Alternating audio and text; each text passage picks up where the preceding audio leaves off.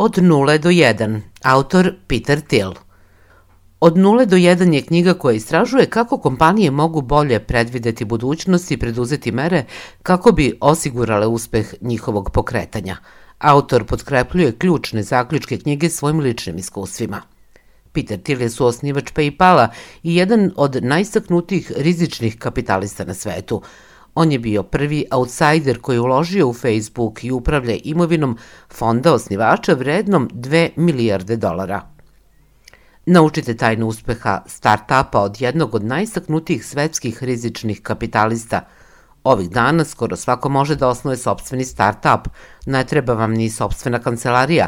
Mnogi preduzetnici rade iz svoje dnevne sobe ili obližnjeg kafića – Ovo je dobra vest za sve zainteresovane za inovativne proizvode i usluge. Nažalost, većina novo osnovanih preduzeća ne opstaje dugo. Ova poglavlja će vam omogućiti da iskoristite iskustva, filozofiju i saveta Pitera Tila, jednog od najstaknutijih svetskih rizičnih kapitalista, osnivača Paypala, koji je bio prvi outsider koji je investirao u Facebook – Njegov jedinstveni pristup poslovanju će vam pokazati kako da predvidite budućnost i učinite je povoljnom za pokretanje vašeg biznisa. Otkrićete zašto su monopoli zapravo dobri za inovacije, zašto vaše pokretanje treba da ide od 0 do 1, a ne od 1 do x, i zašto nije tako neuobičajeno da osnivač start-upa ima iskustvo u upravljanju bombi. Ključna ideja 1. Da biste zamislili kakav će napredak doneti budućnost, morate biti u stanju da drugačije posmatrate sadašnjost – Pokušajte da zamislite svet u 2100. godini. Šta vidite? Za većinu ljudi budućnost je primamljiva tema za razmišljanje. Ali šta zapravo mislimo kada govorimo o budućnosti? Jasno je da ne mislimo samo na protok vremena, već i na napredak koji je postignut tokom tog vremena.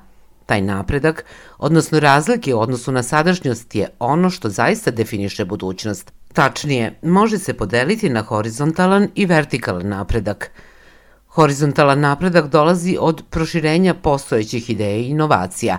Ovde je globalizacija uobičajen pokretač jer pomaže u širenju postojećih ideja na više ljudi. Vertikalan napredak, međutim, dolazi od stvaranja nečeg novog, što ranije nije postojalo, poput nove tehnologije ili metoda.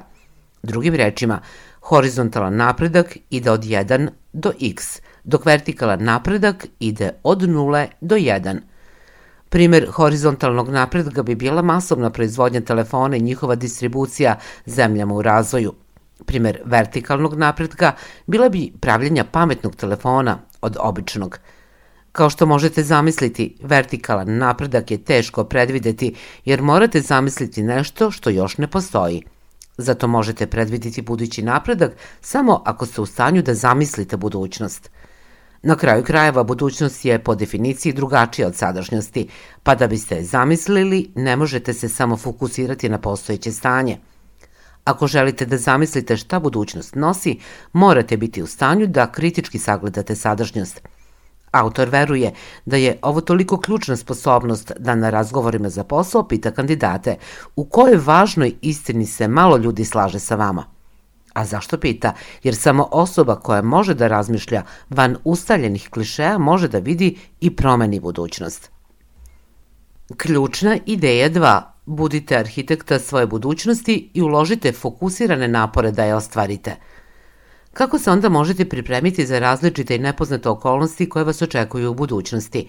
Danas mnogi ljudi razmišljaju u nedogled, odnosno pokušavaju da se pripreme za sve moguće buduće događaje. Ovaj pristup je međutim uzaludan jer budućnost ima previše nepoznanica i varijabli – Efikasniji pristup je ulaganje fokusiranih napora da postignete budućnost koja je najbolja za vas i tako postanete arhitekta svoje budućnosti.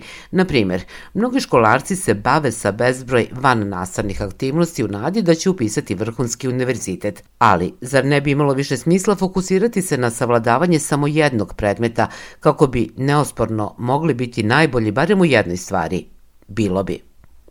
Zaista, uspeh je proizvod usresređenosti, posvećenosti i odlučnosti. Sudbina i sreće nemaju mnogo veze sa tim. Na kraju krajeva, da uspeh nije ništa drugo do proizvod sreće, ne bismo videli serijske uspehe poput Steve'a Jobsa koji je osnovao nekoliko prosperitetnih preduzeća.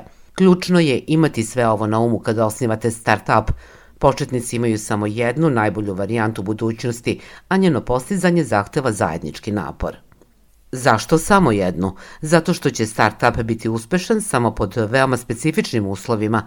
Postoji samo jedno najbolje tržište za proizvod kompanije, samo jedno najbolje vreme za njegovo lansiranje i tako dalje. Da biste iskoristili najbolji trenutak, morate doneti svestan izbor da idete u budućnost o kojoj je reč. Glavna poteškoća leži u tome da otkrijete koji su idealni uslovi za vaše pokretanje posla. Drugim rečima, na koju budućnost ciljate – Kada birate svoju budućnost, zapamtite šta je rečeno u prethodnom poglavlju. Budućnost možete videti samo gledajući dalje od ustaljenih konvencija. Ključna ideja 3.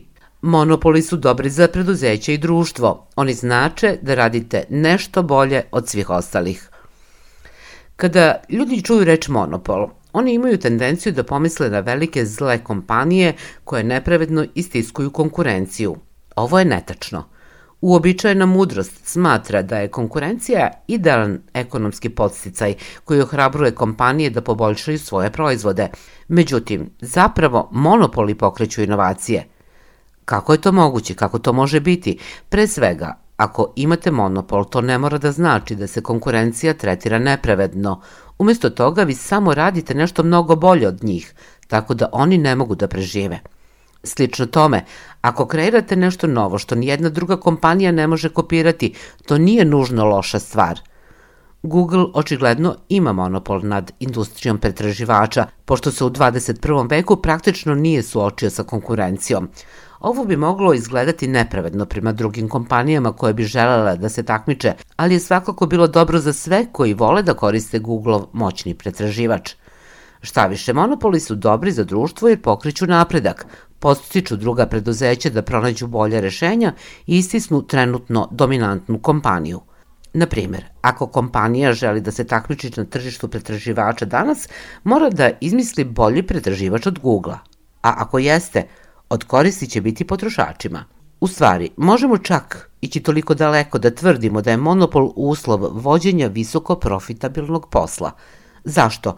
Jer monopol vam omogućava da sami postavljate cene što za uzvrat obezbeđuje visok profit. Ako vaš proizvod nije ništa bolji od proizvoda vaših konkurenata, morat ćete da postavite niske cene da biste odvukli kupce od konkurencije, što narušava profitne marže. Uzmite visoko konkurentnu industriju aviokompanija u kojoj su cene postavljene tako niske da je 2012. jedno putničko putovanje donelo mizernih 0,37 dolara profita. Google s druge strane više od četvrtine svojih prihoda zadržava kao profit. Ključna ideja 4. Monopoli napreduju zahvaljujući tehnološkim prednostima, mrežnim efektima, ekonomiji obima i odličnom brendiranju. Dakle, šta tačno monopole čini tako uspešnim? Tipično monopoli dele neku kombinaciju četiri korisne karakteristike. Prvo, oni imaju tehnološku prednost. Njihova vlasnička tehnologija radi mnogo bolje od bilo čije druge, najmanje 10 puta bolje. Googleovi algoritmi za pretragu, na primjer, mnogo su brži i imaju bolju moć predviđanja od bilo kog drugog, što konkurentu veoma otežava da ih zameni. Drugo, monopoli uživaju u mrežnim efektima, što znači da što više ljudi koristi njihov proizvod, to je korisniji. Na primjer, uzmite u obzir Facebook.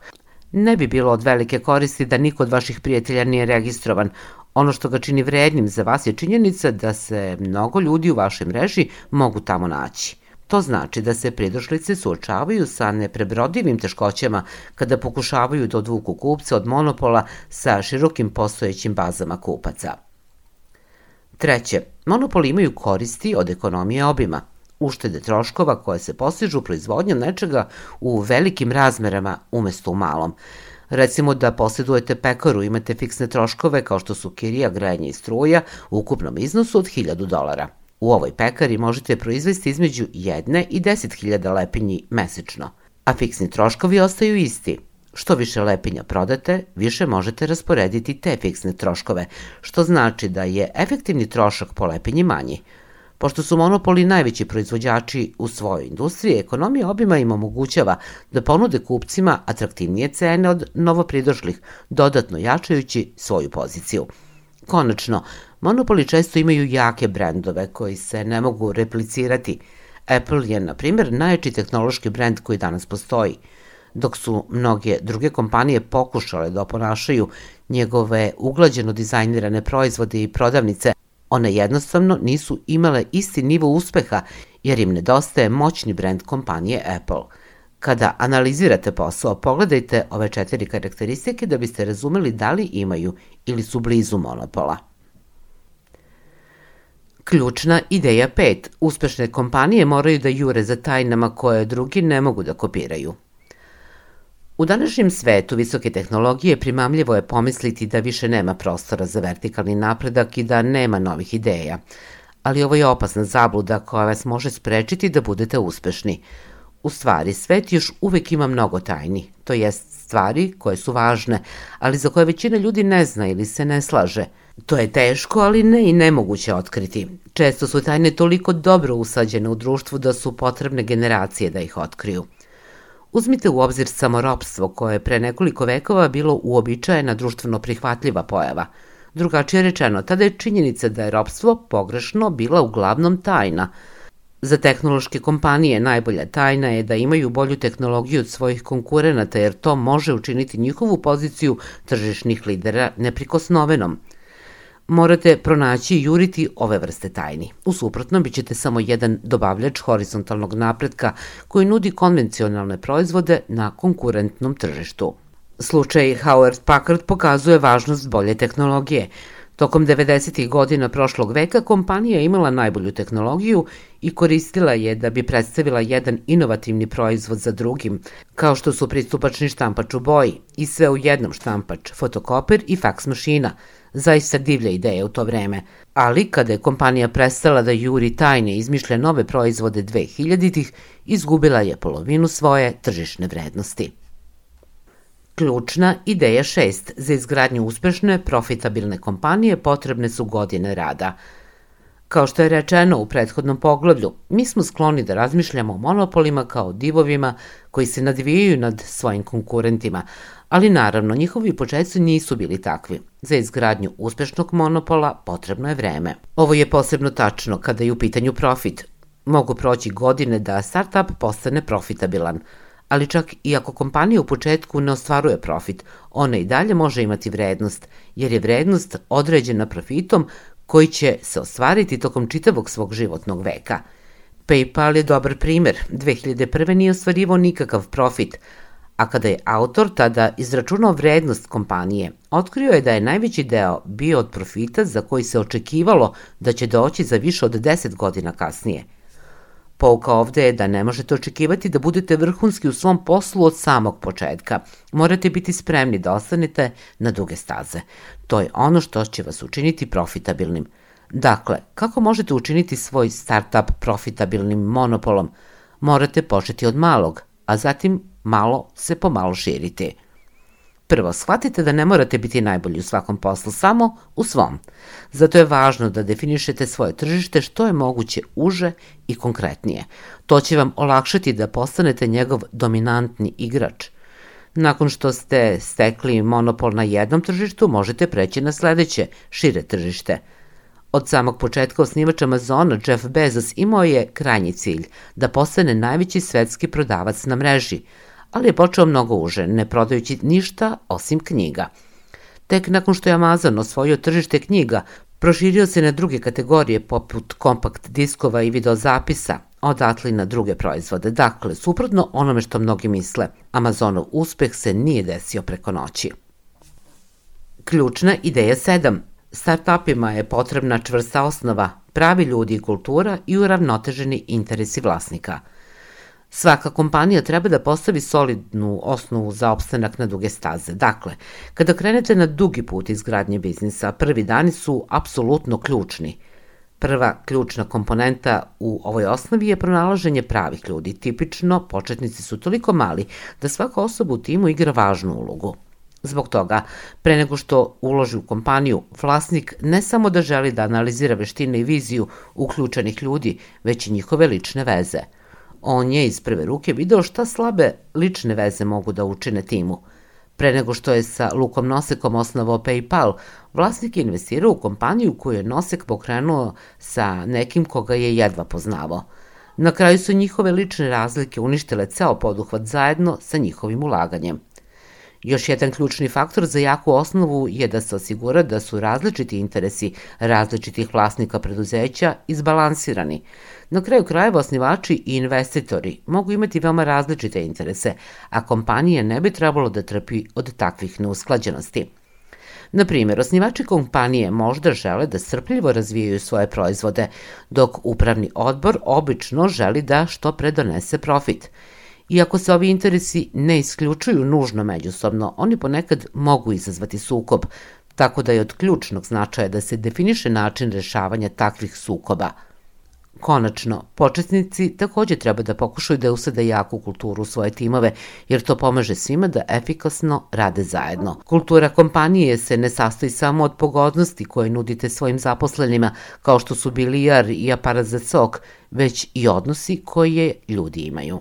Dobar primer jake kompanijske kulture mogao se videti u PayPalu, gde je tim bio toliko blizak da su mnogi od njih kasnije zajedno osnovali nove kompanije. Ključna ideja 8. Vaši proizvodi se nikada neće prodati sami, vaš tim to treba da uradi.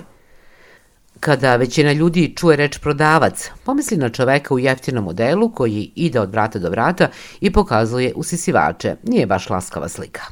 Ali u poslovanju prodaje je vitalna potreba.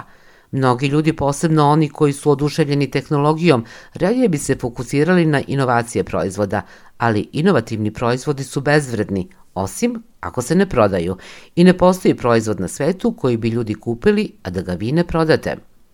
Da biste efikasno prodali svoj proizvod, potrebna vam je dobra distribucija. Ovo ne uključuje samo vaše prodajne kanale, već i trud i organizaciju koji su potrebni za prodaju vaših proizvoda.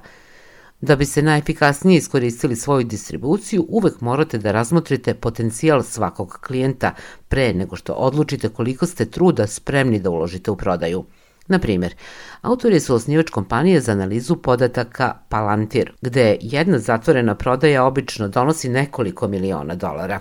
Ovde generalni direktor mora lično da obavi prodaju jer klijenti koji troše takve iznose očekuju određenu količinu ličnog angažmana od rukovodilaca prodavca. U drugom poslu, gde pojedinačni prodajni poslovi donose samo nekoliko stotina hiljada dolara po komadu, to ne bi bilo efikasno korišćenje vremena za visoko plaćenog generalnog direktora. Međutim, generalnom direktoru bi i dalje bio potreban solidan prodajni tim koji bi predstavljao kompaniju. Drugi način da poboljšate svoju distribuciju je korišćenje prodajne strategije – Mnogi od nas ne vole prodavce jer povezujemo prodaju sa manipulacijom, a niko ne voli da bude izmanipulisan – ali dok određene očigledne tehnike manipulacije možda neće biti uspešne u prodaji, postoje određene strategije koje će delovati na bilo koga, tako da bi trebalo da ih naterate da rade za vas. Razmislite o Tomu Sawyeru iz klasičnih knjiga Marka Tvena. Bio je toliko dobar prodavac da je, kada mu je rečeno da ofarba ogradu, zapravo naterao drugu decu da mu plate za privilegiju da radi svoj posao – Zar ne mislite da danas ima još sjajnih kreativnih prodavaca poput Toma Sawyera? Ključna ideja 9. Mnoge kompanije čiste tehnologije propale su jer nisu uzele u obzir sedam kritičnih pitanja na koja svako preduzeće mora da odgovori. Između 2005. i 2009. godine investicioni bum je bio na vrhuncu u Silicijumskoj dolini – Osnovna industrija bila je čista tehnologija koja obuhvata proizvode i usluge koje promovišu stvari poput održivog korišćenja prirodnih resursa i korišćenja obnovljivih izvora energije. Hiljade kompanija je pokrenuto u industriji, finansiranost sa preko 50 milijardi dolara investicija. Nažalost, od tada su mnoge kompanije propale, odnevši novac investitora sa sobom. Pa zašto su propali? Jer jednostavno nisu analizirali i razumeli tržišne prilike – Da bi se ovo izbeglo, svaka kompanija treba da postavi sedam ključnih pitanja o tržištu i sebi. Pod 1. Inženjersko pitanje. Možete li da napravite pravi tehnološki prodor? Kompanije čiste tehnologije nisu shvatile da im je potrebna tehnologija 10 puta bolja od njihove, a ne samo nešto bolja, da bi nadvladale etablirane energetske kompanije. Pod 2. Vremensko pitanje. Da li je ovo pravo vreme da započnete svoj posao? Neke kompanije čiste tehnologije verovale su da je industrija na pragu perioda brzog eksponencijalnog napretka, na primjer tehnologije solarnih panela i da će im to omogućiti da procvetaju, ali u stvari čista tehnologija je napredovala polako i linearno. Pod 3. Pitanje monopola. Da li ćete početi sa velikim udelom na malom tržištu? Kompanije čiste tehnologije su bile deo energetske industrije vredne trilion dolara, što je značilo konkurenciju prsa u prsa za čak i male udele na tržištu. Manje tržište gde imate dobre šanse da brzo izgradite monopol je mnogo bolja opcija. Pod četiri. Pitanje ljudi. Da li vaš tim može da iskoristi ovu priliku? Kompanije čiste tehnologije su često vodili netehnički rukovodioci koji nisu imali pojma kako da naprave odlične proizvode. 5. Pitanje distribucije. Kako ćete isporučiti svoj proizvod kupcima? Mnoge kompanije za čistu tehnologiju poput pokretača električnih vozila Better Place verovale su da je njihova tehnologija toliko dobra da im nisu potrebni odgovarajući kanali distribucije. Nakon što je potrošila 800 miliona dolara novca investitora i prodala samo 1000 automobila, na kraju je podnela zahtev za bankrot. 6. Pitanje trajnosti. Možete li dalje braniti svoju tržišnu poziciju za 10 ili 20 godina? Mnoge kompanije koje se bave solarnom tehnologijom bile su iznenađene kada su kineske kompanije počele da proizvode slične proizvode po mnogo nižoj ceni. Ovo je trebalo biti sasvim predvidljivo od samog početka.